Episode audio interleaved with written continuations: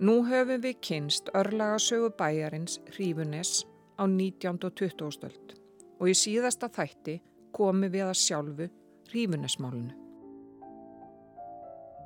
Síðasta kynnslóðin í Hrífunesi tókst á við alvarleg veikindi sem var kveikjana áralöngum erjum.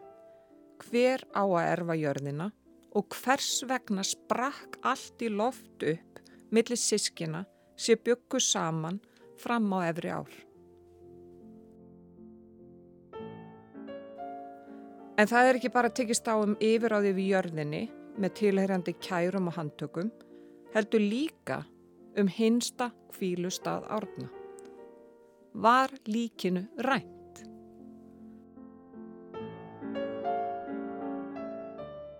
Ég heiti Guðrún Haldanadóttir, þetta er 50 þátturinn og sá síðasti í þáttaröðinni Hrífunes.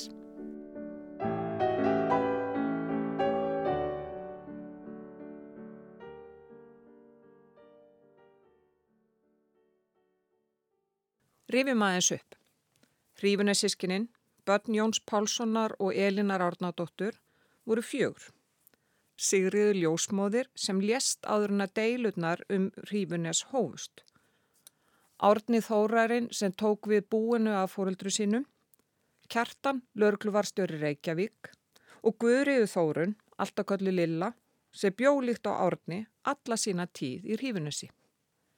Kjartan var svo eini sem egnaðist barn, sónin Jónalvar.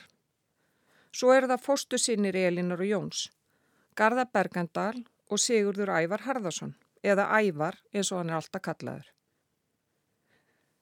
Þegar hinga er komið við sögu hafði Ævar, ásamt þórarni Sigur Jónssoni, fengið full umráð yfir hrífunessi og öðrum eigum átna, sem var orðin veikur að heilabilum.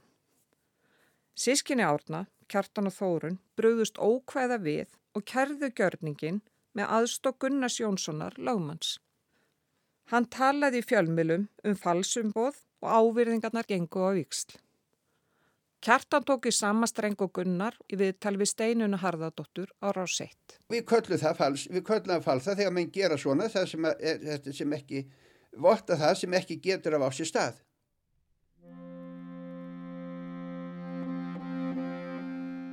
Árni var á þessum tímapunkti orðið mjög veikur og sennilega voru allir sammála um að hann þyrta á aðstofa að halda. En það voru samt ekki allir á sama máli og kjartan og gunnar. Til að mynda fólk sem að umgegst átna á elliheimilinu og tjáði sig í fjölmilum og víðar. Það var mikill hiti í málinu og það eimir enna af þessu áratugum síðar. Sumi sem ég rætti við, þau treystu sér einfallega ekki til að tjá sig opiðbarlega um þetta mál þar sem að sárin hafa bara ekkit grói ennum heilt. Hörður Davísson, forstöðumæður elliheimilisins, sem einmitt skrifaði undir umbóðu fyrir árna, segir að orðaskakið og fjadrafókið hafi verið allt annað en auðvelt það reyndi mjög á orna og uh, hann var alveg meðvitaður um þetta allt saman og hennar, þessi gjörningu sem við aðstofum hann við að gera. Það var að, að hans úrsk og hjartans mál að, að einhverjir myndi sjá um jörðina þannig að hann væri allur með, og myndi sjá um jörðina með sóma. Það var hans tilgangu með þessum gjörningi. Ævar tekur í samastreng Þá var átni komin á ellihemil á klaustri. Og herði og hann fyrir að hafa orð á því við hörða að hann vilja ekki að kjartan sjá um sín mál og nefnir mig í því sambandi og síðan fer nú hörður ganga á hvort það eru nú fleiri og þá nefnir hann þóran í lögadælum frænda sín. Hörður gengur eh, á mig með hvort ég væri til í að taka að mér mála hans átna og ég gengst inn á það fyrir rest sko, og að við verðum þá umsjónamenn átna ég og Þórarinn. Og hann gengur frá því bara og síðan fer þetta allt í á og loft þegar kjartan er sendt þetta umboð og síðan ferð bóltinn að rúla og ég kom ekkert meira inn á það þannig að ég þá var bara átnið skipaður fjárhalsmaður sem var fannar á hellu og svo bara ferði þetta allt á fulla ferð og viljum ekki blaða að skrifa og vesen út úr því. Áður en Ævar og Þóraen fengu umbóði þá reyndi ungt fólkarni í sveitinni að fá hrífunis á leigu en í fréttaskýringu sem Óma Freyriksson skrifaði pressuna hausti 1988 þá kemur fram að sko Kjartan og Þórun hafi verið á mótesu og Gunnar Lagmaður þeirra einnig. Þau töldu endugjaldi lélegt. Ólafía Jakobsdóttir, hún býr á Hörgsland á síðu og er fyrirverandi sveitastjóri skaftarheps. Ég man eftir því bara frá mínum árum í sveitastjórn eða í hræstnefndum eins og það hérna þá á þessum tíma að þá, þá var krafa um að koma jörðum í byggð. Það væri ekki eðijarðir út um land og reyna, játmjöl þá jörðum væri komin í eði að, að koma þessi byggð þá selja þetta til afnóta í, til búskapar.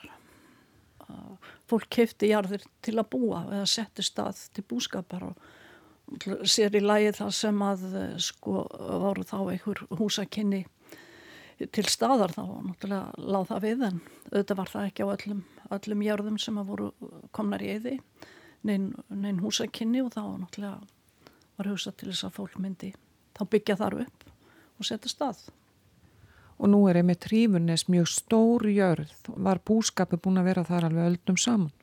Já, það er greinilegt að þar hefur lengi verið búið og, og svona fornminjar þarna á jörðinni og, og alls konar sem að telst núna vera merkilegt og verið uppgröftur og þetta og hitt sko. Aðila hrífinesmálsins mættu í viðtöl, þeir skrifuði blöðin en þeir teltu einning eftir öðrum leiðum. Máli tók síðan óvænta stefnu þegar að kjartan og gardar voru kærði fyrir þjófnað og fyrir að hafa skipt um skrár í rífinessi. Það voru þeir ævar og þórarinn sem lögðu fram kæruna til rannsóknarlaurglunar sem umbósmenn átna. Kjartan sagði í viðtali við pressuna síðar að þeir hafi gert þetta til að tryggja eigur þeirra sískina. Þau hafi einfallega talið að sveitugarni getur stólið frá þeim. Svo förum við kjartan einu sinni austur og ég var hérna með stóra, stóra flyttingabíl, vorum á honum austur og það var gammalt millisjeppi hann inni og við förum og sætjum hann hann eina helgina. Svo einu sinni um morgunni þegar að ég er að fara áttum við laggan. Ég var handtekinn af því að við fórum og sáttu jeppan. Jón Elvar Kjartansson eini afkomandi hrífunarsískinana, mann vel eftir þessu atviki. Ævar kom hérna í bæin og við fórum inn í langagerði og þar sáum við suðutækin og, og jeppan inni og þá kannaði skarðast ekkert við þetta sagði að þetta væri bara gert að byðinni kjartans. En hvað ætluðu það að gera við jeppan í Reykjavík? Það var að fara menni í skúrhjáfur að gera við það. Það var alveg ekki floknar að það og gerðum. Og ég var nú leysnunum fljóðlega út úr þessu fangelsi hérna sér í Kópói. Því að bílni var fullur af örum sko. Það var ábyrða hluti að taka mig úr bílunum sko. Anna Már sem vakti úlfúð innan fjölskyldunar var svo ákverðun árna að gefa ævari tvo hektara lands í Rífunesi undir sumabústa. Jafnvel, eftir að svo ákverðun árna var metin lögmætt af yfirvaldinu, sendi kjartan ævari símskeiti sumari 1988. Loka aðvörun, burt með timburdraslið úr Hrífuneslandi. Þetta lítur að hafa tekið á þig. Já, já. En ég, svo sem það var, mér leði betur með það að ég taldi mig alltaf að hafa réttin mín megin og, og sá óréttlæti hinn og megin þannig að ég, það svona hjálpaði mér. Og það, á þessum tíma þá eru þið komið með skika úr landi hrífunes og þið byggir síðan sumabústaðar. Já, við, það var tveim árum áður sem að átni fór með mig hann um og var vildandilega ég myndi byggja með bústað. Ég, ég hafði ekkert verið að spá í að byggja bústað. Ég var ákveðin í því að láta mig hafa sika í það og hann fóð með mér um að velja og, og hann taldi mikið, mikið atrið að ég myndi velja stað þannig að ég segi, segði Mýrdarsjökul vel og þannig að það var end, endanum enda á því að ég valdi bara stað þarna í Rífunessi og fekk þarna tvo hektara. En svo var málaferðin og þetta í sambandi við húsið hans æfars. Pappi var orðin algjörlega móti því að hann vildi bara láta rýfa það og fara með það í burtu og það var aldrei neitt úr því náttúrulega því hann var með það allt á hreinu. Átni lagði mikið upp úr að ég myndi ganga frá því bara og sem ég betur fyrir gerði og þannig að það held alveg sá gerningur. Það var mikið reynd að koma mér í burtu en það við þetta tjóða að gefa neitt eftir í því. Ekki eftir því. Það er eiginlega hvert ég fallir á. En þetta er þetta finnst allt staður. En hann gerði mikið fyrir sífunisólki að nævar. Hann borgaði sitt uppeldi vel.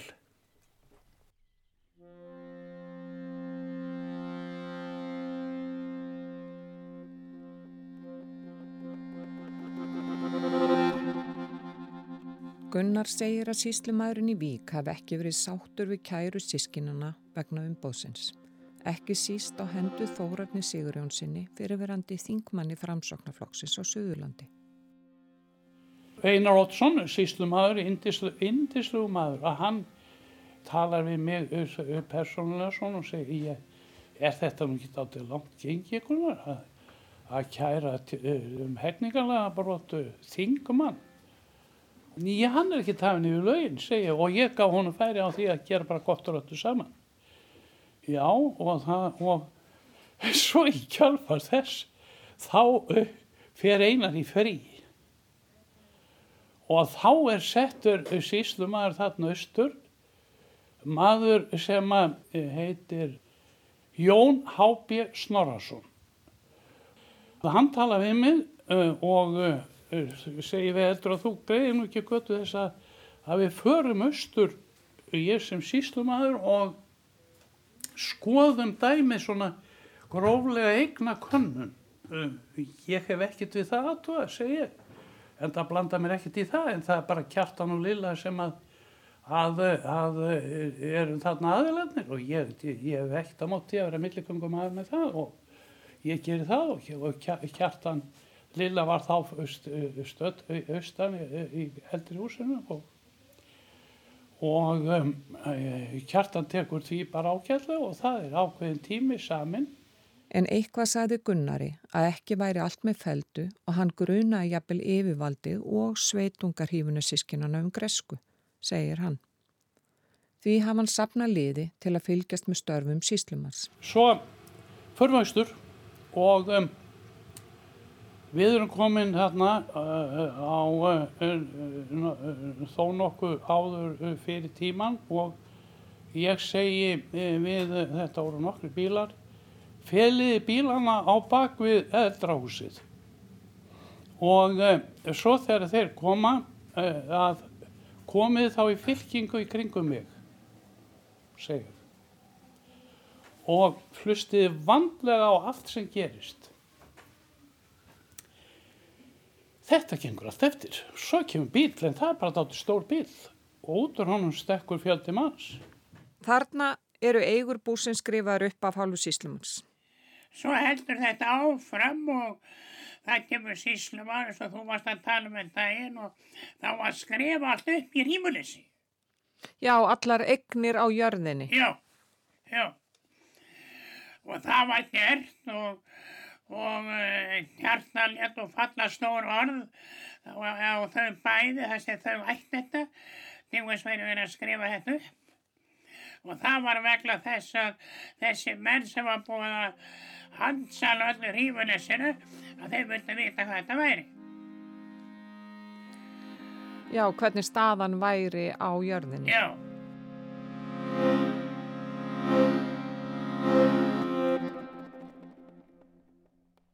Áfram gengu ásakanir á báða boga og í raun er allt og langt mál að reykja það allt hér. Annað en að ríkisaksóknari taldi ekki ástæðu til að grýpa inn í málið.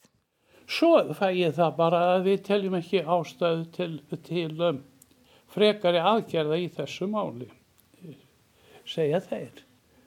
Og, og í millitíðinni þá uh, lagði ég til uh, og með samþykki kjartans að hann erði yfir fjárráðamaður bróðsins. Og, og ef ég vildi þau bæði sískinin, uh, Lilla og hann. En sko ég get gert smá yngreip hérna að það er, er eiginlega allir aðilar hjóluðu yfir hana sko eins og, eins og að, að þessi, e, e, þessi ambátt að hún hef, bara hefði ekkert með neitt að gera eftir alla, allan sinn þrændum í lífunni Einar Oddsson síslumæri Vík bóðaði til auka dómþings 8. april 1988 vegna kröfunar um fjárræðisvittingu og var þar lög fram niðurstaða lækna um heilsufar árna og að hann þjáðust af heilabilun.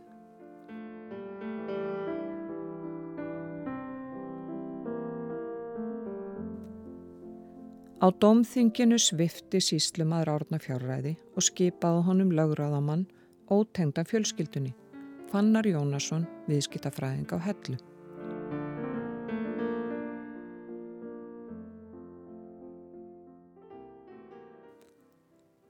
Fannar sem er bæjastjóri Grindavík í dag rak á þessum tíma á samt félaga sínum Jóni Bergþóri Rapsinni fyrirtæki Fannberg SF á hellu sem annaðist alls konar reiknishald og fjármála þjónustu fyrir einstaklingu og fyrirtæki.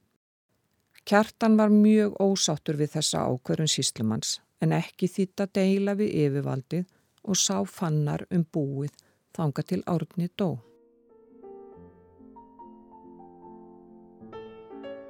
Ég rætti við fannar símleðis og hann sagði að meðal þess sem hann hafi komið að sem fjárhalsmaður búsins var að ganga frá samningi við skóraktina um vendun Birkikjars í Rífunissi. Árni hafi gert munlagt samkomiðlag við Sigur Blöndal, skóraktastjóra, á sínu tíma um að skóraktin fengi góðan hluta jörðinni til að rækta áfram þann skó sem þar var og stækkan. Fannar segir að kjartan hafi ekki verið sáttu við þetta en eftir að hafa rætt við fólk sem var vittni að samkomulagi Árna og Sigurðar hafa hann gengið frá því. Þröstur Eisteinsson, skóraktastjóri, staðfesti svo við mig að samkomulag hafi verið gert um að skóraktin girti í kringu kjarri og gritti á sama tíma gjald fyrir skikkan. Það hafi ekki verið venja en engu að síður hafi samkomulagi verið virt. Síðar var samkomulaginu rift að beðni nýra eigenda.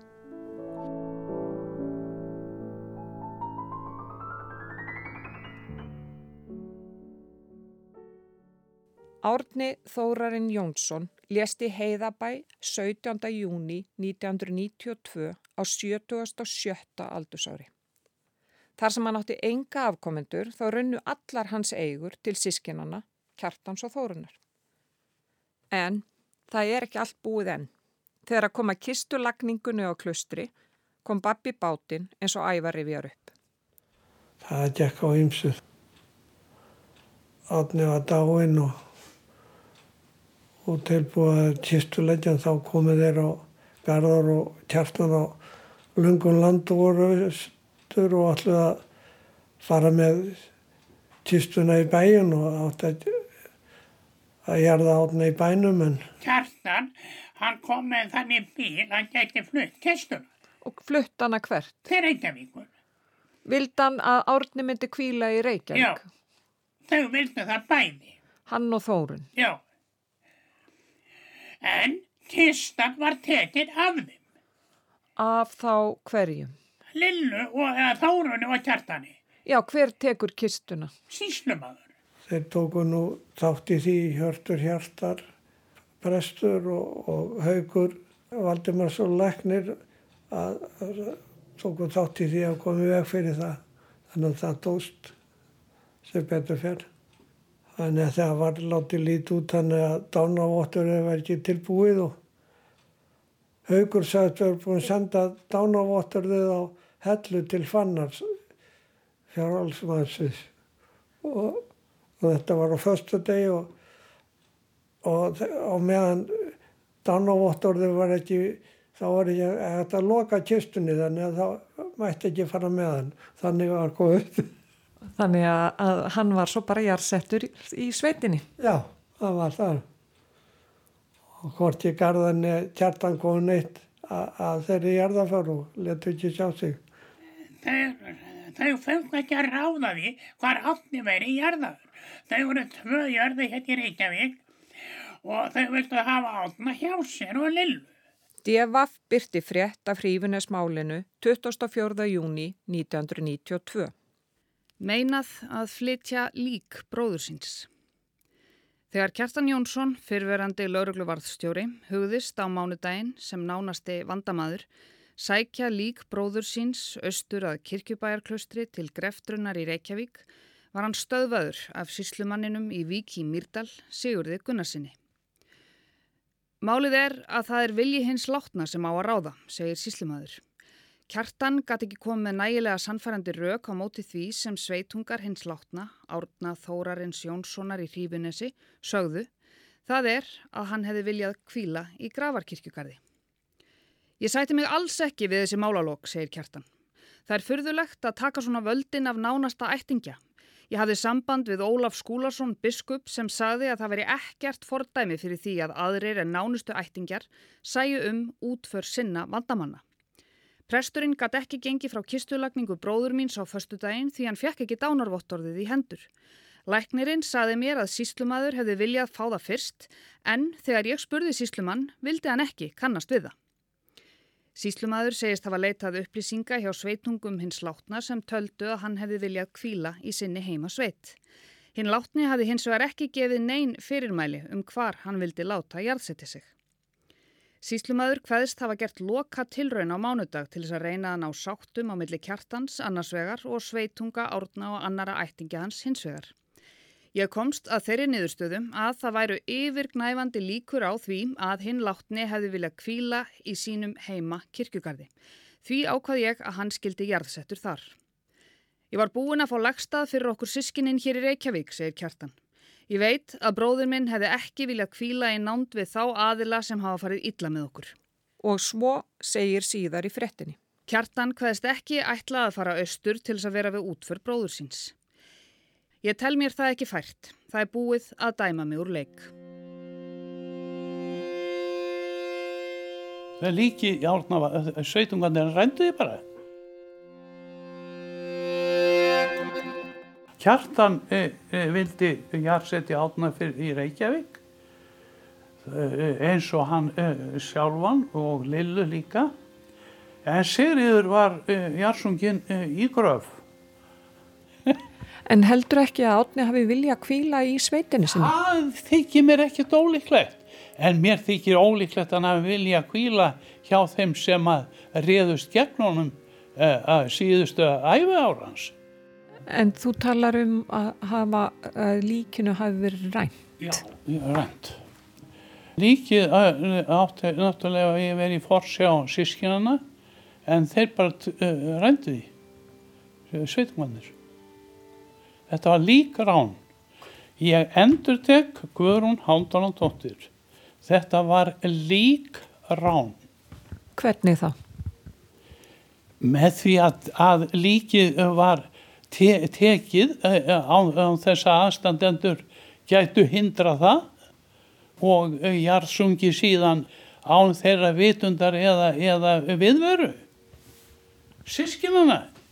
Já, það var kistulagning í, á elli heimilinu, er það ekki? Ég veit ekki um það, það veit ég ekki um. Ég veit ekkert hvernig það ekki að hversi. Þetta er bara útkantarnir á dæminu að sískininn allavega ekki hjarta að vildi nokkuð með sínum sveitunga hafað.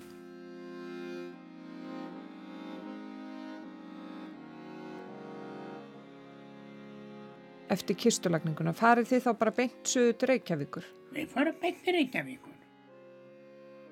Og þið farið heim til þín Já, og setist við borðið og segjum við nú aðeins frá þeirri umræði. já, það var bara gert vegna þess að Lilla var svo hörð á því að þau erðu úrskurðu vittlus. Að, að, að yfirvöld myndu Já. úrskurða bæði hann og kjartan vittlus. Já, ekki, væri ekki með fulla fimm. Já, já, já. já. Og það var gengið frá þessu öllu svo skot og þá var allt vittlust hinnum megin frá. Já, og gengi frá þessu þannig að þau setja allar sínar eignir á þitt nafn. Já, að þá var sess niður við borðið og ég kefti alla eignir þar af þeim. Og það eru þá íbúð sem að- að kjartan átti í Reykjavík. Já, já, En, og Lilla, og þau áttu náttúrulega bæði, Kjartan og Lilla Já, hlut, já. e, í, áttu náttúrulega saman trífunes. já, já, Þannig að þau skrá þetta allt bara á þig Já. þá með Já. svæntarlega. já, já, já. Var það Gunnar, Já, ég held að Gunnar hefði gert það. og þú segir að það hef allt orðið vittlust eftir þetta? Já. Meira segja skaftartungum menn, þeir töluðu ekki við okkur í marga ár. Kjartan átti son. Þeir töluðist aldrei við. Ef að rétt væri, þá ætti hann að eiga þetta.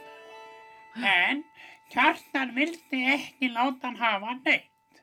Og uh, uh, það var hann sem átti líka að hluta því að Kjartan átni var jarðaði fyrir austan. Sonur, Jón, sonur Kjartans. Já, vildi hann að eh, Árni erði já, jarsettur í já, gröf og líka tungu fólki. og, Skafta tungu já, fólki. og þar kvílir hann við hlið foreldra sinna og, Já, og já. Já, já. En var það ekki líka bara eðlilegt þar sem hann hafði verið bóndi í sveitinni alla tíð? Jú, jú, en þau tóku þessi ákvarður. Það var ekki ég. Ég snifti mér ekkert af þessu. En svona var nú þetta.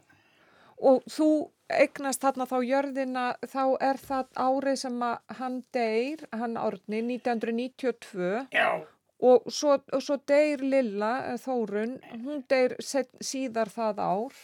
En Kjartan, eh, hann bjó í ljóseimunum og þú egnaðist þá, þá íbúð Já, já, líka. já. Þú erðir þau sískinin alveg. já, já. Akkurat. Þetta er allt rétt. Já. Gunnar segir að eftir andlát átna hafi óveðrunum hrífunnes slotað mestu um tíma en deilan um líkið átti eftir að hafa áhrif á vinskap hans og kjartans. Eh, Svo þetta gengur bara allt saman ljómandi fyrir sig þanga til að nú kemur að enda punktinum að þá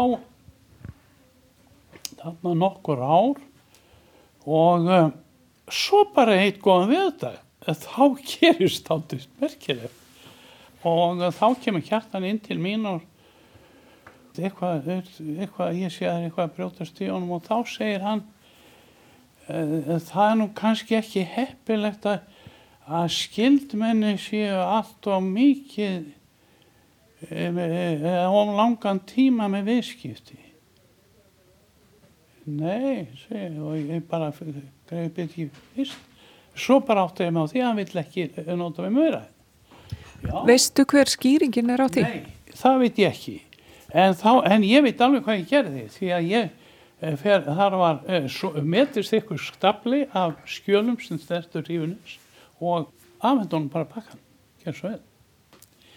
En eh, ég hefi heyrt að uh, ástæðan hafi verið uh, svo, sagði mér Sigur Ævar, að um, ég hafi ekki viljað hjálpa til við að ná í líkið af árna, austur. En þetta er bara alls ekki rétt.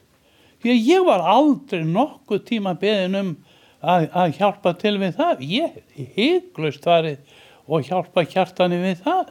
Að þetta er algjörlega ósann saga á allan handamátt og ég var aldrei um þetta beðin og hefði ég verið beðin þá hefði ég gert það. Útför Árna fór fram frá gravarkirkju án þess að sískinni hans væri viðstöld. Þórum var þarna orðið mjög heilsulítil og lést á sjúkrahúsun á Selfossi 16. november sama ár. Tilkynnt var um andlátið annan desember og í dánatilkynningu morgublaðinu þann dag segir að útförinn hafi farið fram í kyrði. Jón Elvar var þar. Fór reyndar ekki upp í kirkjugarð. Ég var vittni að því að það var eitt frá Herjálstöðum sem kom þarna og pappi stóði dittnar og hver, hvað þú að gera hérna, sagði pappi.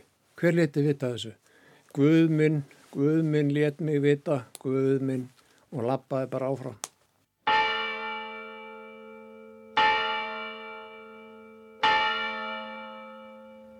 Ég er komin hérna í Guðuneskirkjögar og ég ætla að reyna að finna leiðið hennar Guðriðar Þórunar Jónsdóttur.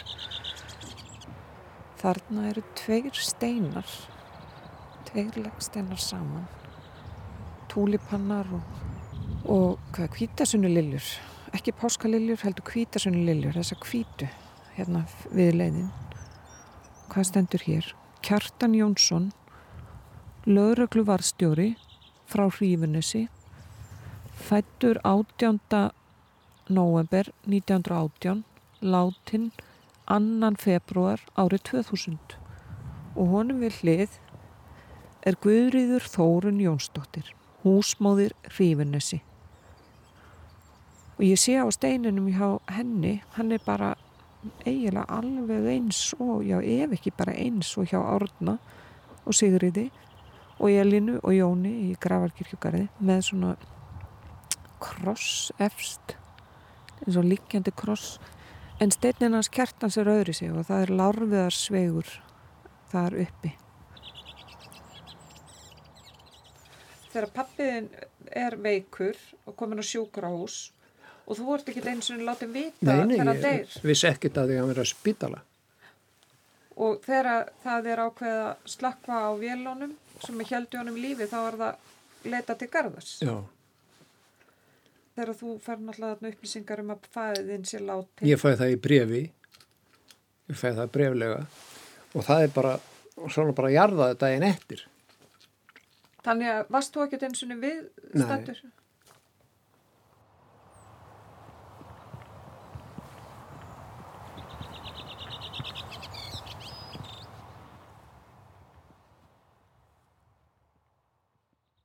Gunnar segist ekki hafa komið nálagt skiptum á búinu, hvorki þegar Þórun lést nýja heldur kjartan. Þegar hann kjartan hefur farið þarna e, til með bunkansinn og það, þá á hann bara engin meiri viðskipti við mig. Bara ekki. Og 95, að, við, við fórum ringferð Já.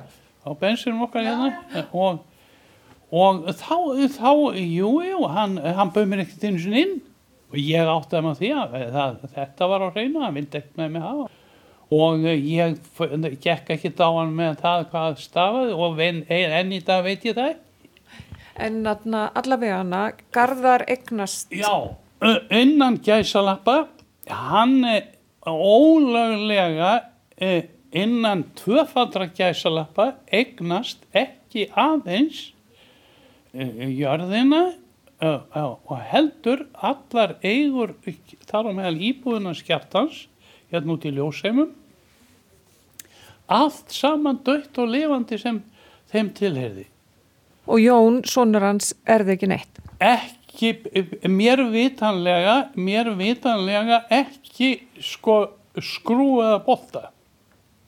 En það er ekkert og ég var búin að er, sko segja þeim kjartani og, og uh, Jóni Elvari að munurinn þarna á honum og svo sískjunum svo hann er skilduerfingi. Hverju eru skilduerfingar í íslensku rétti? Það er engöngu maki og börn en lögerfingjarnir eru miklu meira og þeir koma ekki til nema að engi skilduerfingjar séu eða menn hafi bara reynilega gefið að eða sett allt með erðaskrá það er heimilt sko Akkurat. En þú segir að þetta sé lögbrot, að þetta er ekki lögbrot í íslensku rétti. er jú, það? jú, þetta, þetta er fullkomin lögbrot að, að Garðar hafi eignast? Já, vegna þess að, að, að, að kjartan mátti ekki framselja jörðina, hann mátti ekki selja sínur eigur hér, samkvæmt reglunum sem gilda um ættarjarðir að þá átti sá sem yrði ættarerfingi að taka við jörðinni og það er undir miklu, miklu, miklum hagspótum því að það átti ekki að greiða hérna erðafjárskattaði. Þegar framísótti þá hætti Gunnar eiga við þetta mál því að hann sagði mér það að þegar ég var farin að finna inn á það að hann allæðist það að, að Garðar fengi í hrífunni sig þá vildi ég ekkert skipta mér að þessu því hann var búin að reyna að koma því í gegn að gera hrífunni sig að óðali. Já, einmitt. Ef það hefði gengið í gegn þá hefði Garðar aldrei fengið það. Þegar að kjartan sko leysi til sín í jörðina og lilla þá uh, vildi Sigurður uh, Sigurður Gunnarsson þá er þetta sístumæður í Vík indislegu drengur. Ég útskýri bara fyrir honum að þarna séum ættar jörða að ræða og það er þessum ekki að greiða er fyrir skattaðinni og hann samt ekki það. Ég veit ekki hvað það gengi rætt eftir því. Það getur nú vel verið að hefði verið hægt að ég veit ekki. Ekki er greittur erðafjörskattur af óðalsjörðum en á þeim kvílir svo skilda að það er ekki hægt að ráðstafa þeim til annara en skilduerfingja. Það er bara ákveðin erfingi sem verður, verður óðalserfingi eða ættarjarðarerfingi. Og það er í þessu tilviki Jón Elvar? Það er, mæl þú hvenna heilust, það er Jón Elvar Kjartansson. Þrátt fyrir að það hafi ekki orðið að því að rífunis yrði skilgreint sem óðalsjörð, þá erði Jón Elvar föðu sinna hluta. Það er að segja, það sem Garða fekk ekki sangat erðaskrá og sangkvæmt því sem gengi var frá í samkommulaginu sem Kjartan og Þórun gerðu við Garðar eftir kistulagningu árna. Hann fekk, hann erði hann einu þriðiga af því sem hann átti eftir Garðar og svo átti ég heitt, heitt allt. Þegar pappiði deyr, síðastur á sískinum sem að deyr, Já. er þá hrífunes komið í eigu garðast þegar það er? Eða selur þú hrífunes? Nei, nei, nei, nei, nei, ég sel honum ekki neitt. Jú, jú, jú, ég gerir þannig fyrir rest. Þá semjum við um það að hann fær sjóppuna og allt sem henni fylgdi og ég fekk 20 hektara út í heiðinni. Það var nú bara, það var nú bara svona prinsipmál ekki.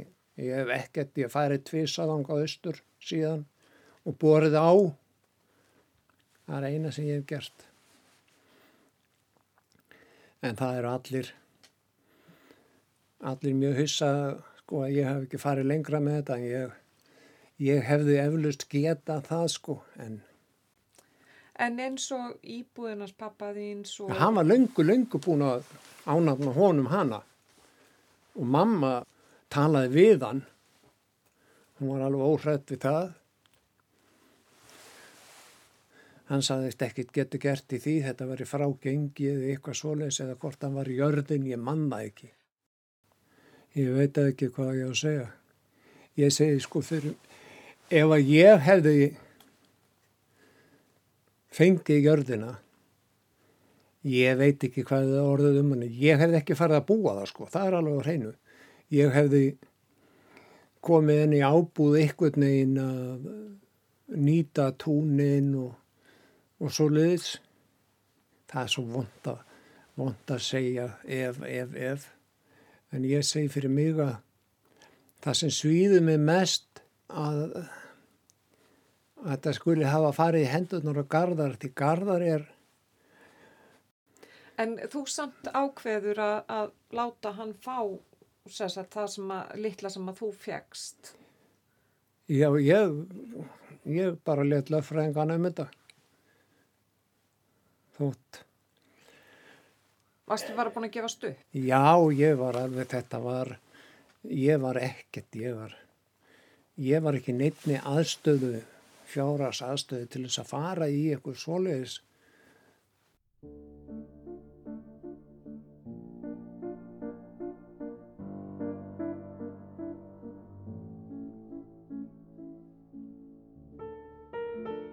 Engi búskapur hefur verið í Hrífunesi frá því að Árni fór á elli heimili 1986. Í nóvambur 2002 og í mars 2003 auðlisti síslimaðurinn í Vík uppbóðu jörðinni og öllum rekstratækjum en í april sama ár var jörðin auðlisti sölu. Þar kom fram að Sigurður Garðarsson, sonur Garðarsbergendal, veitti upplýsinga varðan degnina. Sigurður á stærsta hluta hrífuna sérðarinnar í dag. Og þú ferð í hérna, heilmikið ferðarþjónustu... Í hrífunissi? Já. Já, það var sko, já, já, ég, ég græjaði það allt til og... Hvenar er það? Manstu það? Það er bara eitthvað árið sinna. E ári eftir að kjartan deyr? Já, já. Já. Já, já. Það tók smá tíma að, fá að ná skálarum þarna. Svo því ég var komið með hann, þá hafði við þarna kaffisölu og mat og allt það hérna. Og þú ert alveg þarna bara á fullu í ferðarþjónustu en svo veikistu að krabba meini. Já. Og þannig að þá er, dregur þið í hljöf fljóðlega eftir það. Já, ég var bara að fara.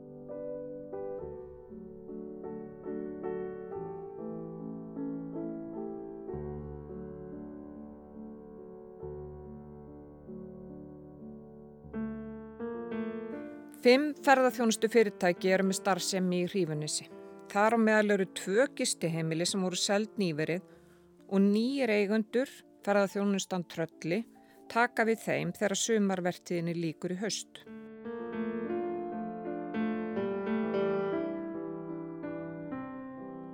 Aldalangri örlega sögu eiginlegra ábúendi hrífunissi er því lokið og þar með einnig þessari þáttaröð.